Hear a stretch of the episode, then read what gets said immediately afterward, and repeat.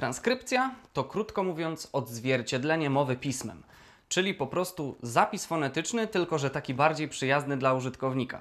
Natomiast transliteracja to konwersja jednego pisma na drugie przy użyciu ściśle określonych znaków. Taka, nazwijmy to, metoda bardziej naukowa. Transkrypcją Często w języku potocznym opisuje się czynności związane z przepisywaniem nagrań audio, czyli po prostu ze zmianą nagrania na tekst, na przykład jakiegoś wywiadu czy wykładu. Takie przepisywanie jest bardzo żmudne jeśli ktoś nie ma specjalnych predyspozycji do pisania ze słuchu, no to sporo się przy tym namęczy, yy, ale technika przychodzi nam i w tym wypadku z pomocą. Mamy do dyspozycji sporo narzędzi ułatwiających nam to zadanie, jednak trzeba będzie trochę pokombinować.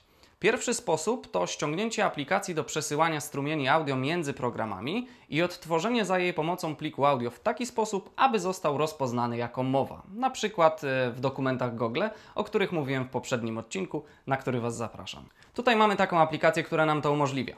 Wybieramy ją jako urządzenie odtwarzające i następnie idziemy do dokumentów Google, gdzie wybieramy z narzędzi pisanie głosem. Teraz zostało nam tylko odtworzyć ścieżkę audio w dowolnym programie i praca wykonana zostaje za nas. Kolejną propozycją jest program Descript. E, ma on bardzo rozszerzoną funkcjonalność, bo możemy w nim na przykład edytować wideo, nagrywać audio, czy nawet publikować podcasty.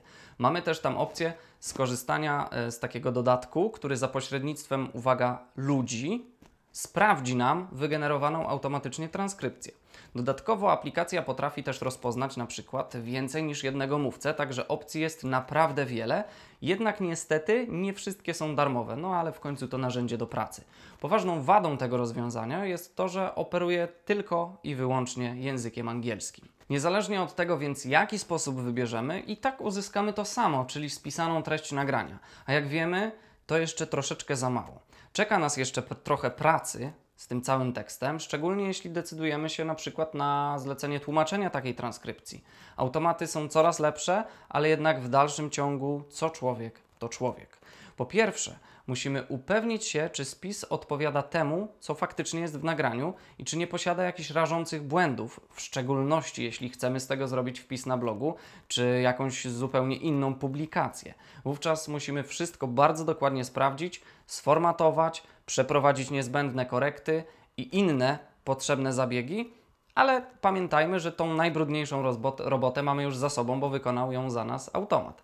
Więc wracając jeszcze na chwilę do początku, w formie takiego ugruntowania wiedzy, transkrypcja to po prostu zmiana mowy w pismo, a transliteracja to metoda stricte naukowa opierająca się na kodowaniu, w którym każda litera dowolnego alfabetu ma swój odpowiednik fonetyczny w innym.